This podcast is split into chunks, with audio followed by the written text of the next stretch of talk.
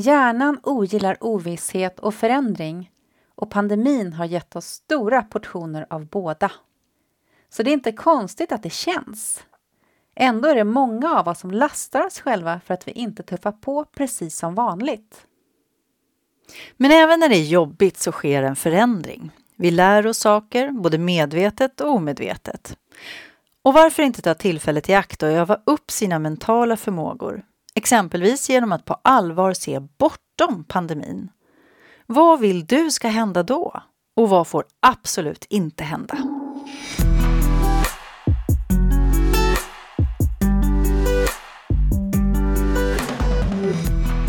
Jag heter Maria-Pia Gottberg. Jag heter Anna Eriksson Skarin och du lyssnar på Känslosmart. Podden där tanken möter känslan.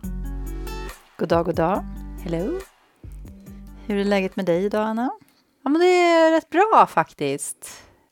Ska jag kasta mig rakt in i en incheckning? Ja, men gör det så skvipar jag i sista dropparna här av teet. Um, det jag noterade när jag var på väg hit, eller så här, om jag backar tillbaka. Jag satt och um, hade möte eh, tidigare idag och min son hade distansundervisning och satt mitt emot.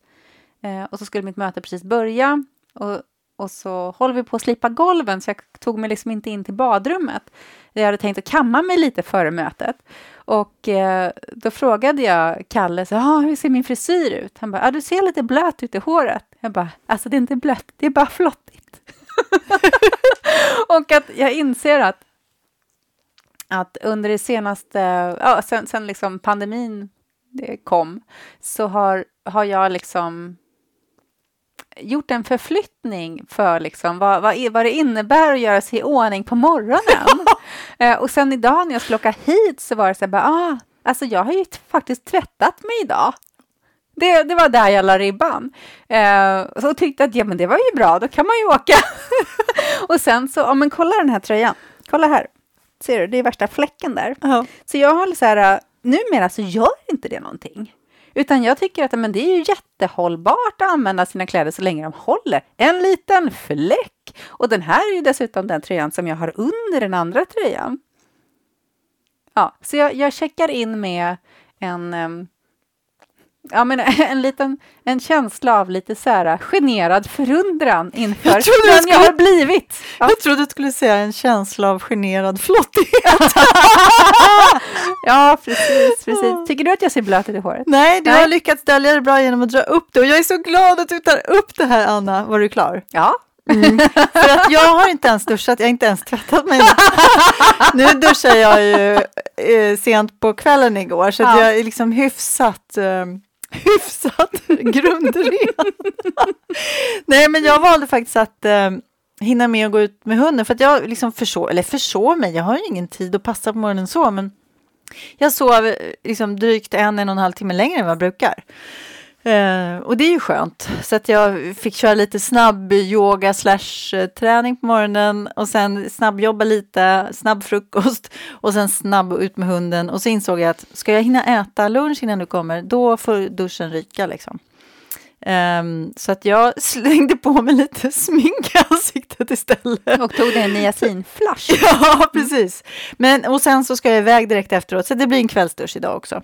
Men jag hänger på det där det du säger, för att man verkligen flyttat fram gränserna för vad som är liksom, att göra sig i ordning, att, att se okej okay ut och sådär. Och jag har inte tvättat håret sedan i lördags och jag borde ha gjort det igår.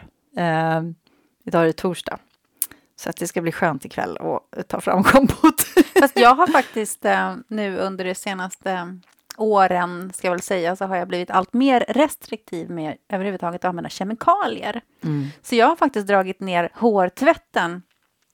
Nu är jag väl nere på kanske två gånger i veckan av den anledningen framför allt. Eh, för att minimera eh, alla, många bäckar små, tänker jag. Mm. Ja, nej, men jag håller med dig. Det är samma här. Men, men det är ändå, man kan, man kan känna sig ofräsch på ett sätt under pandemin eh, som, ja, men som man inte var, tyckte var riktigt okej okay förr. Mm. Fast att man faktiskt ska träffa folk kanske digitalt eller till och med så här, åka ner och handla eller ja, vad man nu gör när man är ute i...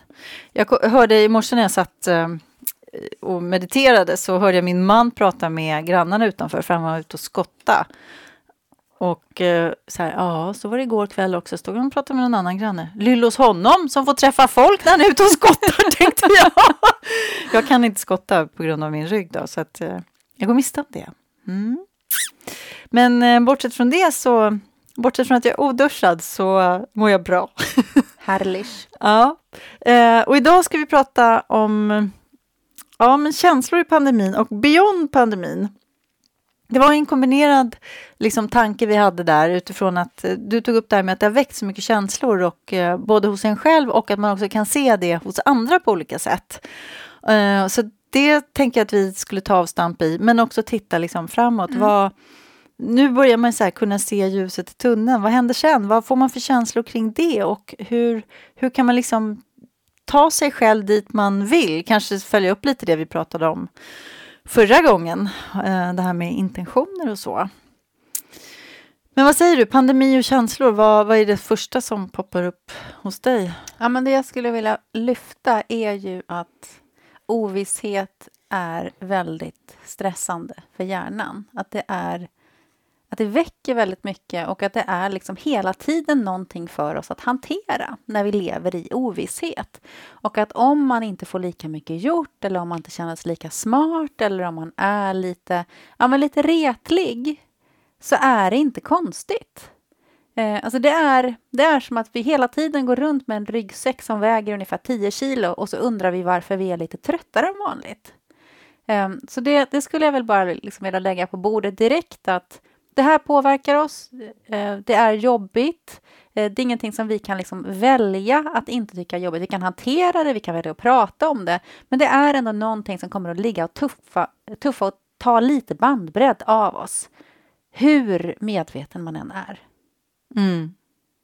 Ja, precis. Och jag tänker också på hur, hur eh, utifrån det här perspektivet att hur man ser det, andra blir påverkade av det här. Om man tittar liksom lite med backspegeln nu så kan man ju se i början, det är ju snart ett år sedan, när vi fick den här pandemin till oss och liksom hur olika människor reagerade. En del var ju liksom helt obrydda och tuffade på som vanligt utåt sett. Hur det var på insidan har man ingen aning om.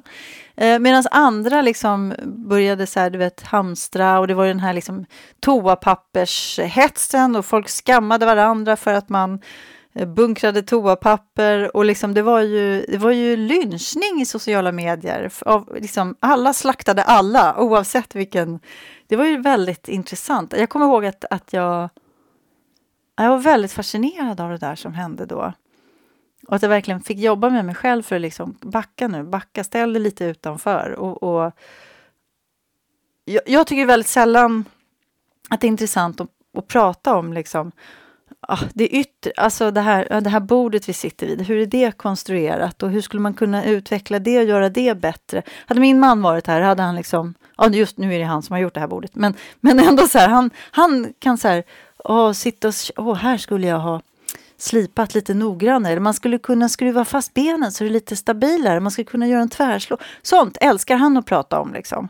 Och jag kan ibland, senast igår, så bara när han gjorde en sån grej, så, så bara började jag asgarva. Jag bara, du är så rolig. Hur kan, din, hur kan du ägna så mycket tankeverksamhet? Hur kan du ta så mycket bandbredd till det här? Liksom? Han bara, hur kan man inte vara intresserad av konstruktion, utveckling, förstå det tekniska? Liksom, Let me count the ways. Ja, precis. och, och, sen, och sen så fick han babbla på där och jag fnissade mig igenom och lyssnade. Och, och vi gjorde ju en kul grej av det här. Liksom. Eh, för han, visst, han känner ju mig. Eh, och, eh, och så efter en stund så Ja, då landade han ju ändå i att ja, men det är rätt skönt så här att börja tänka på de här sakerna för att få lite perspektiv, lämna sin egen liksom inre, ja, men, tänka allt man ska lösa på jobbet, alla saker man inte känner sig tillräcklig kring. Då tog han det här metaperspektivet och då, jag bara såg liksom mig själv bara resa mig upp så här och luta mig framåt och bara nu blir det här samtalet intressant, sa jag till honom och då började han skratta. För där kommer ju liksom där möttes ju vi. Uh, och nu har jag tappat bort varför jag babblar om det här helt plötsligt så himla ingående. Men det jag kom att tänka på, det var att, att jag har ju börjat laga väldigt mycket mat. Mm. Uh, eller ja, det har jag ju alltid gjort. Men nu har jag börjat uh, handla i, nya ingredienser och laga efter recept, alltså nya recept. Eh, och det tänker jag är lite lika samma där. Magnus han, han använder liksom det här med konstruktionen, hur funkar det här i det yttre? Jag har använt maten. Och, och det här att man liksom måltiderna, det är något som återkommer. För mig har det varit någonting som jag nog har, har ägnat mig mer åt för att skapa liksom någonting att hålla mig i, i det yttre. Mm. Och att jorda sig själv. Mm, du menar just under pandemin nu, mm. eller hur? Mm. Ja, just det, för att, för att liksom... Ja. ja. jag har nästan fått, jag har fått ett, ett mycket större intresse för mat. Ja. Ja, men det, är ju, det kan jag också relatera till, känna igen mig i. Uh, nej, men det var just det, för nu fick jag tillbaka den här tråden som släppte ett tag där. Men det var just det att jag gillar ju att titta på... Alltså jag är sjukt intresserad av mänskligt beteende och vad som pågår på insidan och vad vi har för drivkrafter. Så det var det jag gjorde när, då för snart ett år sedan. Att iaktta både andra och mig själv i det här. Det var väl kanske mitt sätt att också handskas med den här ovissheten. Men det tror jag är att ta ett metakliv liksom utanför och, och se sig själv, sina reaktioner eh, och koppla det till kontexten, sammanhanget som man befinner sig i och hur man blir påverkad av varandra. För det har vi verkligen blivit. Om man ser nu hur människor beter sig nu, om man tittar i sociala medier och i, i personliga relationer man har, så, där, så tycker jag att för mig, det jag upplever nu, nu är det ju mycket mer så här, ja men nu hoppas vi på ett bättre 2021 här och snart är det över och nu behöver, det är bara en liten, håll i och håll ut. Alltså det är verkligen, det är mycket mer positiv och stöttande anda nu än vad det var då i början, för då var det mer det här kaotiska. Nu har vi också, nu har ju snart gått ett år och man liksom har gått igenom årstiderna, olika högtider, olika nya sätt att fira födelsedagar och jul och nyår och allt det här. Så vi har ju blivit en massa erfarenheter rikare.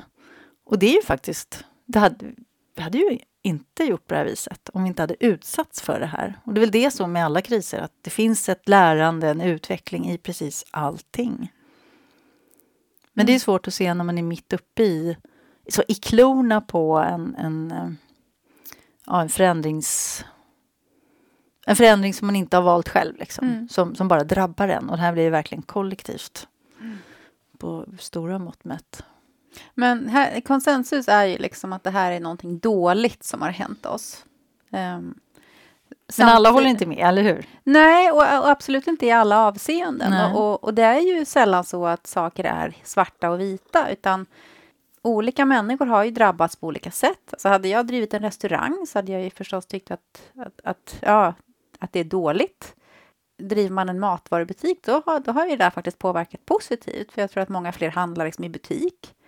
Um, och sen det här att, att, uh, att det inte går att flänga runt, till exempel, över julen. Det är säkert många som har fått en chans att, att få en avkopplande jul och en, en jul där man inte har behövt kanske vara med i en massa familjedynamik som man kanske egentligen hade velat välja bort.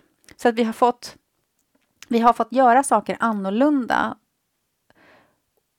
och i vissa fall så har vi fått göra saker annorlunda trots att vi hade velat göra som vi alltid gjort. Och i vissa fall har vi fått göra saker annorlunda och det har faktiskt lärt oss någonting om hur vi själva vill ha det. Och vi har ju lärt oss att det går ju att jobba på distans i mycket större utsträckning än vad vi trodde. Eh, det finns fördelar med att köra utbildningar digitalt och plocka in människor från hela världen på en och samma utbildning. Man behöver inte åka iväg längre. Um, jag tror många har haft mera tid kanske för egen träning och att äta middag tillsammans med familjen. Eh, sen är det ju är massa saker som har varit, ja men eh, man har inte fått åka skridskor på allmänna isbanor i vinter eller ja men det finns massa. Men just att, att man reflekterar kring hur känns det för mig och att det är okej okay att det kan kännas både bra och dåligt. Och bara för att jag tycker att vissa saker är sköna så betyder inte jag det att jag inte tycker att det är en tragedi att människor dör och blir av med sina jobb. Eh, utan vi har ju liksom rätt till det som är vår egen upplevelse. Och den kan man ju ha utan att man för den skull liksom tappar i empati. Mm. Ja, men det tror jag är jätteviktigt så att man inte får dåligt samvete för att åh, jag har ju haft det riktigt bra nu mm. under pandemin här och folk har faktiskt dött och blivit sjuka och förlorat anhöriga och allt det här och, och fått jobba ihjäl sig i, i vården och så vidare. Det tror jag är en jätteviktig aspekt. Men om du skulle liksom nämna tre saker som har varit positiva för dig eh, och, och liksom vad som har gett dig positiva känslor och upplevelser under pandemin. Vad är det? Alltså, mitt sätt att leva har ju blivit liksom lite normaliserat.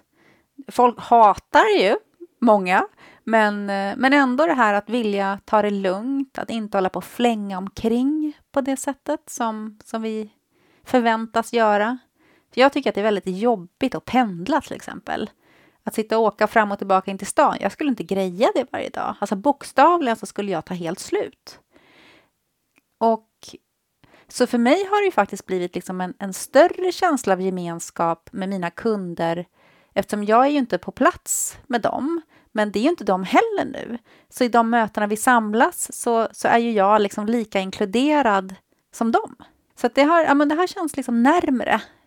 Och, och sen gillar jag också det här att det, ja, men att, det, att det här är någonting som har liksom drabbat oss alla. Att vi, vi sitter alla i samma båt på något vis. Att det, det har gett oss någon sorts gemensam referenspunkt. Så både att, alltså det, det jag hörde säga, att, att slippa flänga så mycket och att vara, vara en del av gemenskapen mer och också den här kollektiva gemenskapen. Ja, verkar vara liksom precis. liksom någon slags röd tråd i. Ja. Mm. Och du då? Um, ja, men det är ju, det är ju en möjlighet för mig att um, skapa mer lugn har det varit. Uh, jag har ju inte haft föreläsningar och sånt ut och resa. Jag har inte, och därmed så har jag inte heller sålt mina produkter eftersom det är så jag har sålt dem genom att prata om dem, visa dem, eh, demonstrera under föreläsningar och berätta och träffa liksom min målgrupp. Ehm, så, så, det har ju inte ens varit liksom mycket försäljning. Och det, och det är klart att det kan man ju det är inte bra ekonomiskt. Men jag bestämde mig tidigt för att inte låta den stressen eh, ta över. Det är klart att ibland så poff har den poppat upp, men, men det har ändå det har, så mer lugn. Och sen har ju min man jobbat hemma och det har gett eh, oss jättemycket positiva, alltså vår relation är så, så otroligt mycket, liksom, den är så levlad jämfört med vad det var innan. För att vi har haft så mycket tid tillsammans och vi har tagit vara på den tiden. Och, och det är klart att vi har jobbat och, och liksom man är inne i sitt sådär och man kan vara under samma tak utan att man ser varandra vissa dagar. Men nu har vi liksom ätit lunch ihop, vi har tagit hundpromenader ihop. Eh, det har varit mycket, mycket mer. Vi har liksom börjat träna tillsammans. Det har vi inte gjort förut. Och så här, ja, jätte, jättepositivt tycker jag. Och sen har det framförallt under hösten här har jag också fått syn på saker hos mig själv beteenden och i relation till andra människor, framförallt mina nära och kära, hur jag har nästan ja, men slagit knut på mig själv, om man ska använda ett slitet uttryck, för att leva upp till någon bild av hur man är mamma, hur man är mormor eh, och dessutom håller en hög nivå på övriga delar av livet. Eh, hur det har bidragit till att jag eh, liksom, har fått hälsoproblem och sådär. Och det har varit otroligt jobbigt förstås, just eftersom det här liksom att vara mamma och mormor har varit så en otroligt viktig och stor del i mitt liv. Och det är det ju såklart fortfarande. Men jag har fått syn på alltså sån här bakomliggande orsaker och drivkrafter som har varit väldigt nyttigt för mig att få syn på. Det har ju ingenting med mina barn och barnbarn att göra. Utan det handlar ju bara om mig och mina drivkrafter. Och de har jag behövt få upp till ytan och det har varit en väldigt smärtsam process.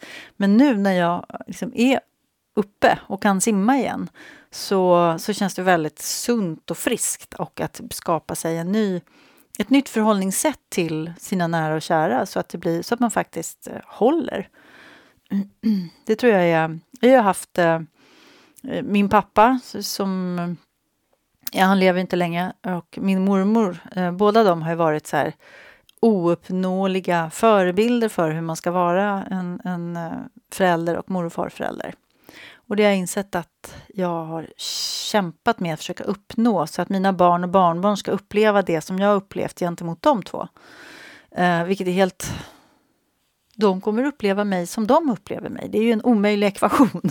Så det är så skönt att vara fri från det. Så, så det är också en del av det paketet, den gåvan som jag, på grund av att jag har haft tid liksom, via pandemin.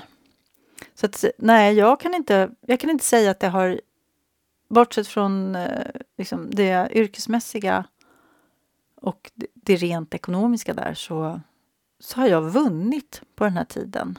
Eh, jag tänker att jag har fått tillbaka viktiga delar, viktiga pusselbitar och fått tillgång till nya pusselbitar i mitt liv. Men det är inte självklart att man ser de här positiva delarna. Så det tänker jag är en viktig... Någonting som jag vill lägga på bordet är ju liksom att ta dig... Skapa ett space. Om du upplever att nackdelarna överväger fördelarna, hjälp dig själv att eh, försöka se vad har ändå varit positivt och vad kan du ta med dig? Vad har du lärt dig av det här? Vad har du lärt dig om dig själv? Framför allt i relation till andra eller, eller vad tror du att andra runt omkring dig har hjälpt dig? Det kan ju vara en ingång om det är liksom lättare att börja där. För att titta på vad vill du ta med dig ut? Hur vill du att livet ska vara för dig efter, beyond pandemin, så att säga? Mm. Har, du, har du reflekterat något kring det för din egen del? Hur, hur jag vill att det ska vara efter? Ja. Inte jättemycket, faktiskt. Jag tror att du har tänkt, tänkt mer, men det jag har tänkt är väl mer att, ja, men att det som jag tycker är bra, eller det som jag... Det här att tempot har, har lugnat ner sig. Um, det är ju någonting som jag vill, vill ta med mig, förstås. Det är det spontant. Mm. Jo, men att, att, att liksom ett hållbarhetstänk. Att, att stress är ju ett hållbarhetsproblem, inte bara för, för individen utan också för planeten, tänker jag. jag menar att man åker och handlar så nya skridskor för man inte orkar leta efter de gamla. Alltså, nästan på den nivån. Um, eller att uh, man slänger kläder för att de inte är, är, är moderna längre. Uh, men alltså, om jag bara är hemma, men då kan jag ha den här sköna tröjan med en fläck på det, det funkar jättebra. Så att det, jag, jag använder upp mig själv mindre och jag använder upp färre resurser nu än jag gjorde tidigare. Och det skulle jag gärna vilja fortsätta med. Mm. Att vara liksom, ha, ha ork, ha, den kognitiva, ha det kognitiva utrymmet att ifrågasätta alla utgifter, både liksom egen energi och eh, jordens resurser. Mm. Tänk om vi alla kunde ha den insikten och intentionen med oss liksom ut och igenom och förbi och bortom pandemin. Det vore ju helt fantastiskt. Mm. För Jag tror att vi är många som, som är där nu. Tricket är ju att behålla det här liksom sen när möjligheterna öppnas igen. Jag har ju lekt med tanken att nej men, tänk om de inte gör det. Tänk om det bara så här, kommer nästa grej. Så, ny pandemi eller världskrig eller whatever. Liksom någonting som slår undan benen på oss igen. Det kanske är så här att, att vi kommer drabbas liksom av tills vi lär oss. Mm. Alltså, när, jag tänker, när jag har den liksom, hatten på mig så Dels så kan man ju bli väldigt nedslagen av det för att okej, okay, nu, nu, var, nu var festen över. uh, men så ändå i det mörkret som det kan väcka så tycker jag att det finns någonting, ja, men vi får ju lära oss ta ansvar. Och när jag säger vi så är det liksom jag behöver lära mig ta ansvar. Jag kan ju faktiskt bara påverka mig. Jag önskar ju till förbannelse att man kunde liksom nå ut och påverka primärt sina nära och kära och vänner och grannar och kollegor och liksom ja, men, kommunledningen eller så här, de här liksom som är ens närmsta krets. Där. Och för att inte tala om hur man skulle vilja nå ut ännu mer och ändra, men det går inte. Så det är ju mm. bara här, utan det är verkligen som du säger, ta på sig den där tröjan en gång till, en gång till, en gång till. Igår var jag nere och handlade i vårt kära centrum och eh, jag hade två ärenden och sen ett litet smygärende. Jag hade fått en så meddelande eh, från en butik eh, där jag tydligen är medlem. Jag har inte handlat där på jättelänge och ja, men så öppnade jag det där av någon anledning och klickade och hittade en tröja som jag så här, jag vet att jag har tänkt för många år sedan att får jag syn på den modellen igen, då ska jag köpa den, bums, för det är en modell som jag verkligen vill ha. Den passar mig jättebra och den är så användbar. Och nu, liksom, du vet så här, såg jag den och jag bara, mm, ja, men jag kanske slinker in där trots pandemin och provar och köper. Först tänkte jag beställa på nätet, men ja, jag och kläder på nätet är ingen bra kombo. Uh, vad vill jag säga med det? Jo, att jag, jag stod där och bara, den satt ju som en smäck som jag visste att den skulle göra när jag såg den på bilden.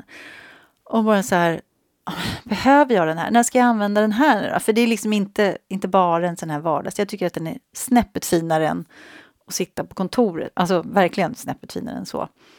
Men om man ska göra en, jag ska spela in några digitala föreläsningar nu, så här, ja, det är klart att, och då börjar man så här, rättfärdiga, varför ska jag köpa en ny tröja? Och jag har faktiskt inte knappt köpt några kläder under det senaste året. Ja, men du vet, så. Men jag gick ju därifrån med tröjan. Och eh, ja, jag är nöjd. Jag kommer nog inte lämna tillbaka den. Men det är ändå så här, förr hade jag ju aldrig hållit på på det här viset. Möjligtvis om man hade köpt sin tredje eller fjärde tröja i månaden. Då kom det där. Men, men det fanns alltid ett skäl till att shoppa, att ge sig själv någonting nytt. Jag behöver det här när jag föreläser, man måste se ordentligt ut. Trots att jag alltid hade liksom standarduppsättning när jag föreläste och så vidare på senare år. Och det där, är, det där tror jag är jättenyttigt, att det är en ny liksom, kanal som har öppnats. Att ifrågasätta varje inköp. De senaste två jularna så har vi eh, i familjen bestämt oss för att köra Eh, förra året var det julklappsspelet, i år var det Secret Santa. Så vi är ju fem vuxna. Och eh, då gjorde vi Secret Santa. Man fick dra lott om vem som skulle köpa till vem. Och det blev alltså kanske den bästa, roligaste och mest underbara paketöppningen jag varit med om någonsin. Ehm, en julklapp, en, en, en budget för det som alla skulle hålla sig inom ramen för. Och helt fantastiskt man liksom kommer ut så här ekonomiskt helskinnad efter julen. Det är ju men det är inte bara bra för mig och min familj utan för planeten och så vidare. Mm. Så det tänker jag är bra också att, att sprida och, och lyssna på hur andra gjort och liksom hur kan man ja, men, förvalta och, och vara noga med just sina egna resurser och jordens. Jätteviktigt. Men sen är det ju ett antal saker som, ja, men som man kan känna sig besviken kring. Och, och besvikelse är ju faktiskt en av de mest spännande känslorna som jag vet. Just för att det, den är så, en sån hal rackare. Ehm, det är så lätt att den gömmer sig under liksom ilska eller, ja, e-, eller annat, liksom frustration. Ehm, så, så jag har faktiskt som, som vana att, att fundera på vad jag känner mig besviken över. Bara så att jag har liksom jobbat igenom det så att inte jag håller på och styr på det utan att jag är medveten om det. Smart, det kallar jag känslosmart. Eller hur? Ja. ja. Så, så för mig är en besvikelse till exempel att, att barnens konserter i skolan inte blir av. Eh, att våran skidresa inte blir av. Och även om det är liksom världsliga saker så betyder inte det att, att det inte gör mig besviken. Och bara för att jag inte tycker att jag borde bli besviken så betyder det inte att, att det inte påverkar mig. För det, det, det är ju det här att känslorna säger ingenting om de vi är, utan de bara är ju. Utan det är ju först när vi tycker att vi inte borde ha den ena eller den andra känslan, det är då de börjar ställa till med besvär för oss. Har du några besvikelser som du har liksom tänkt på? Eller har du någon annan strategi för att hantera Nej, men jag önskar att det där, det där ska jag ta till mig och tänka igenom i förväg vad jag är besviken eller vad jag, också vad jag skulle kunna bli besviken. kan ju ta kan ju bli en heltidssysselsättning där känner jag. Magnus, Nej, men, vi behöver prata. ja. Nej, men eh, just besvikelse, jag håller med dig, alltså jättespännande känsla. Och den ligger nog verkligen bakom en massa saker, eller beteenden och andra känslor som du säger. Men jag tror att jag jobbade igenom det ganska mycket. För, för länge sedan när jag, jag, jag lärde mig, någon sa så här att eh, besviken, besvikelse jag kommer inte ihåg exakt hur det var uttryckt men besvikelse är egentligen inte liksom en känsla utan det är ju en tolkning av någonting som har hänt i det yttre. Eh, så att det är egentligen en sorg. Och när jag hörde det, då blev det så här då blev det på något vis lättare att hantera. Men där, det, alltså man upplever ju besvikelse som en känsla, så det är ju, det är ju bara så här hårklyveri. Men, men det kommer jag ihåg då för jättelänge sedan att jag så fick upp ögonen för någonting. För just besvikelse tror jag har varit en sån här motor som har gjort mig till en ganska otrevlig person i massa olika sammanhang. Just för att någonting som jag hade förväntat mig inte blev av. Och allra mest förstås i de nära relationerna, för att det är där man också Men om vi kan möta vår besvikelse med samma dignitet som vi skulle möta en sorg mm. hos någon vi älskar. Mm. Så... Ja, det är ju att vårda det, att ha respekt för de känslor som faktiskt existerar.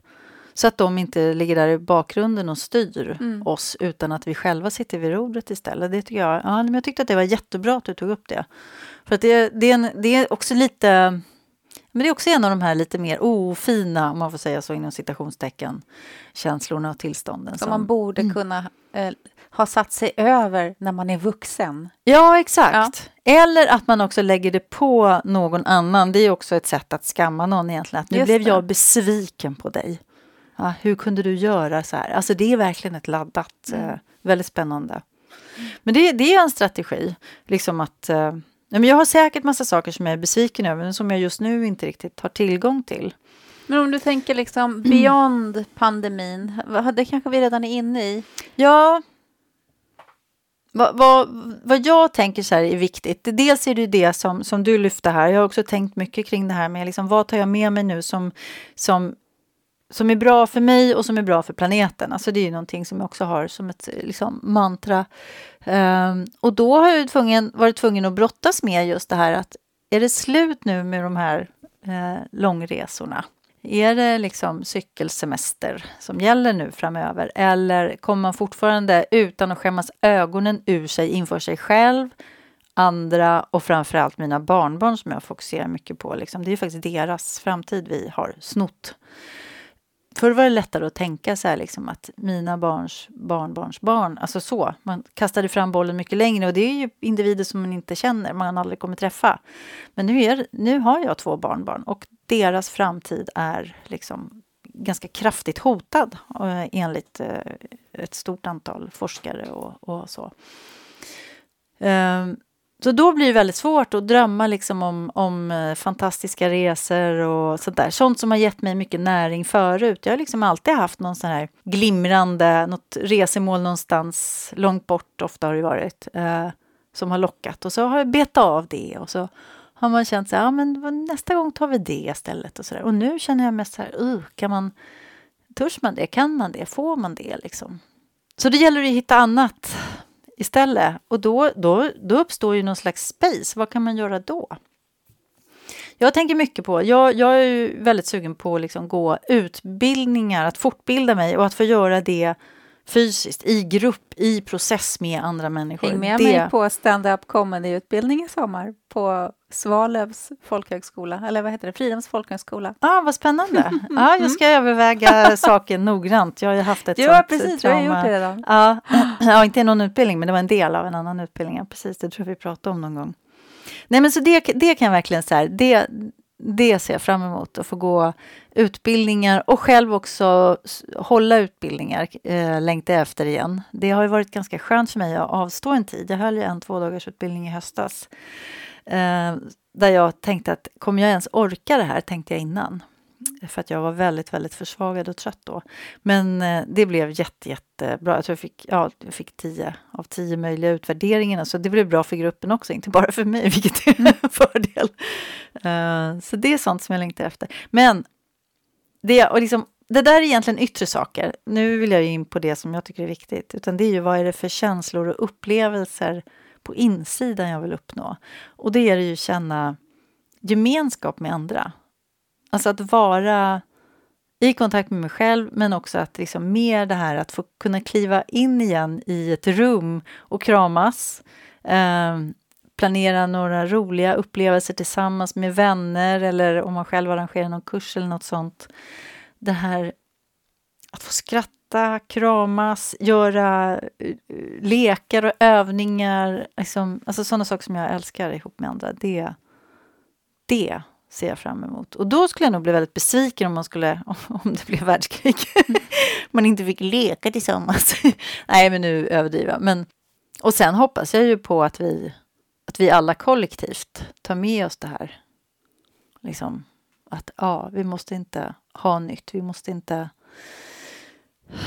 tära på jordens resurser. Alltså, det låter så högtravande, men jag kommer tillbaka till det hela tiden. Det här med att hela tiden liksom sikta på att det ska bli mer och snabbare och bättre och att man behöver åka så långt bort, att det behöver vara så fantastiskt. På, I förra avsnittet så pratade vi om det här med, eller jag pratade ju, orerade kring det här med att jag skulle vilja att måttligheten eh, fick högre status. Att det var måttligheten som var det som vi liksom premierade. Och att, eh, ja, men tänk om det inte var liksom Åh, vi har bestigit Kilimanjaro eller vi har varit där och vi blev hembjudna till en munk. Du vet, eller vi var i Sydamerika och vandrade Inkaleden. Tänk om det istället är så här, ja, vi tog tåget dit och, och gick gick en mil på Sörmlandsleden och sen så hoppade vi på en annan tågstation och åkte hem. Wow! Mm. Ja, men tänk om det är det som blir en så här... Eller att det bara var, ja, vi gick, äh, vi gick runt både Trastsjön och, eller vi gick runt Södersjön. Det var en jättehärlig promenad. Precis, det, det gjorde vi, på. Det gjorde vi fyra gånger i jul. Wow! Mm. Och, och, en gång var det sol. Mm. Wow! Och tre hur, gånger var det regn. Hur kan, man, liksom, hur kan vi då som individer vara med och skapa det där? Att det är det som blir... Jag tänker framför allt, alltså det, man, det, all, det, man, det vi kan göra, det jag gör, är att jag bestämmer mig för att man, den där masspsykosen som säger att den där turen runt Södersjön inte är något att hänga i julgranen, den, den får jag ju bestämma mig för att kliva av.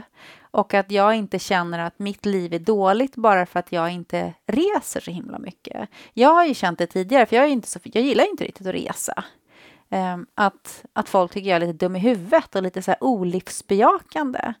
Ja, men, för, men, jag, men för mig är inte det... Det ger inte en större kick att, flyga till eh, något långt bort ställe och, och vara där, liksom. Eh, än, än vad det gör att åka in till Stockholm och gå på en restaurang. Eh, eller att till och med laga någonting gott själv. Sen tror jag man behöver miljöombyten, annars riskerar tiden att gå så fort. Men miljöombytet behöver ju inte vara liksom att man åker flygplan, utan det kan ju vara liksom att man äh, åker tunnelbanan till Norsborg och, och går en promenad liksom, i, i en park där. Alltså det kan ju se... Det, det, det, vi behöver kanske vara lite mer kreativa i hur vi skapar miljöombyte. Mm, jag tror det var huvudet på spiken, det är verkligen sant. Alltså, vi hade ju husbil för många år sedan och köpt, köpte en ny nu i somras här efter några års uppehåll. Eh, och det är ju, alltså där är ju styrkan i att, att bo i ett land som Sverige, avlångt och så. Visserligen så husbil är ju att man kör, kör bil och förbrukar jordens resurser. Men det är ingenting jämfört med att, att sätta sig på en flygresa ens till liksom, inom Europa. så. Eh, det finns ju grader i helvetet om man säger så. Men, men alltså, det finns ju otroligt mycket miljöombyten i vårt land bara, eller om man håller sig inom sin region mm. också för den delen. Min man fick en bok nu med så här vandringsleder i Stockholmstrakten. Helt fantastiskt. Så vi, har, vi sa det, men vi, vi tar en varannan vecka. Eh, var mitt förslag. Sen får vi se hur ofta jag får med honom. Men så, så går man en ny led. Vi är alltid ute med hunden. Ja, men lä, lägg på ett gäng kilometer och så gå en, en led liksom på ny ort runt om i Stockholm. Det, alltså jag ser fram emot det jättemycket. Mm. Bara det är så himla enkelt. Mm. Gå en annan, ta en annan stig helt enkelt. Mm. Direkt, man kommer väldigt långt på det. Mm. Och du sätter verkligen också återigen huvudet på spiken där, när att annars tenderar tiden att gå så fort om man mm. inte gör miljöombyten. Det tror jag är eh, verkligen någonting som jag har bestämt mig för det här året. Eftersom det har blivit väldigt mycket vara hemma. För, inte bara för mig, utan för väldigt många av oss. Så det, det är någonting som jag... Mm. Eftersom jag i förra avsnittet pratade om att livet går fort, mm. uh, att det är ändligt och sådär. Så att liksom, skapa känslan av att det är lite längre, att man får lite mer upplevelser. Mm. Enklaste sättet är ju bara att byta miljö, mm. att göra, men också att göra invanda saker på ett annat sätt. Som jag håller på nu och äter olika typer av frukostar. Jag har ju alltid förut, innan jag slutade med all form av mjölkprodukter och sånt där för något halvår sedan, så har jag alltid ätit yoghurt med, med müsli eller, ja, och frukt och bär och grejer i. Så här. Det, och älskat det. Och min man bara, hur kan du äta samma frukost år ut och år in? Är det inte tråkigt? Och sen dessutom samma lunch fetaostsallad som jag alltid ätit. Och han bara, hur kan du äta? Jag bara, nej men det är skönt, det är gott, jag, jag behöver inte tänka. Och nu så har jag liksom lärt mig att stå där, vad vill jag ha för frukost idag? Och stå och hitta på någonting liksom. Och det, det ger mig livskvalitet. Alltså det är rätt skönt. Lika mycket livskvalitet som det var för mig att slippa hålla på och förändra mig förut. Lika mycket livskvalitet upplever jag idag att jag har för att jag behöver skapa liksom, en ny frukost varje morgon. Nu ljuger jag lite, för att det brukar bli så att jag äter samma tre, fyra dagar i alla fall och sen byter jag. Men ändå, det är mm. liksom... Men jag tänker att mycket av det som vi liksom har sett som att uppleva nya kulturer och, och sådär. Att jag tänker att väldigt mycket av det resandet som, som väldigt många av oss ägnar oss åt är ju egentligen inte liksom att uppleva andra kulturer utan det är ju att leva sitt vanliga liv fast på en annan plats med andra kulisser. Och det vi skulle kunna göra är ju istället att vi upplever nya saker genom att träffa människor från andra kulturer. Ja, men som till exempel att vara med i en, en, en utbildning där det är folk från olika delar av världen. Eller att man har en virtuell meditationsgrupp där man samlas liksom från hela världen. Eller att man är liksom i någon sorts kulturutbytesgrupp och så delar man recept med varandra och lagar det tillsammans och, och äter. Eller, alltså det finns ju massa saker där man, som man faktiskt kan göra som, som, som inte förutsätter att man liksom fysiskt flyttar sig från en plats till en annan. Så jag tänker att det här med att, att resa på det sättet vi gör, det, det är liksom en dålig vana som vi, som vi behöver bryta. För hur man än vänder och vrider på det så eh, uppenbarligen så är det här med, med att flyga, det är ju inte det enda som vi behöver sluta med för att komma till rätta med klimatkrisen. Men det är inte så att vi kan skita i det. För att det är en av många saker vi behöver göra. Och vi kommer inte att, att kunna resa på det sättet. Det är inte en det är, en, det, det är en mänsklig rättighet, tänker jag, att ha en planet att bo på. Och då kan det inte vara liksom, vi kan inte ge oss själva den rätten, vi som lever nu, att, att stjäla den rätten från ja, men då dina barnbarn, till mm, exempel. Mm. Nej, om, om man inte har insett det så kan man titta på David Attenboroughs film. Är den på SVT Play eller Netflix? Nu blir jag faktiskt jag osäker. Netflix. Ja. Jag kommer inte heller ihåg vad filmen heter. Kommer du ihåg det? Nej. Nej, men David Attenborough, mm. du vet de flesta vem han är. Ehm, det är en film som gör ont att se. Man bör ju ha någon liksom, eh, att hålla i handen när man tittar på den, tycker jag. Eh, jag hade inte det, utan jag satt själv och såg den och det, och det gjorde skitont. Eh, och jag grät och liksom kände mig helt, det kändes helt hopplöst. Men eh, ser man ut hela så vänder det ju. Han, han hjälper ju en att se möjlighet och eh, man lämnar ju filmen med hopp faktiskt. Mm. Och det, ja, jag, jag, jag kände verkligen att det, fan, det finns hopp. Annars hade jag nog inte suttit här idag. För det, ja, det, det, det är ju ganska illa ställt med vår planet. Så det tänker jag är... Men det hoppas jag. Att vi kan fortsätta stötta varandra i och, och fortsätta med hållbara vanor kring det. Vi som nu kanske har utvecklat kanske mer hållbara vanor under pandemin. Då.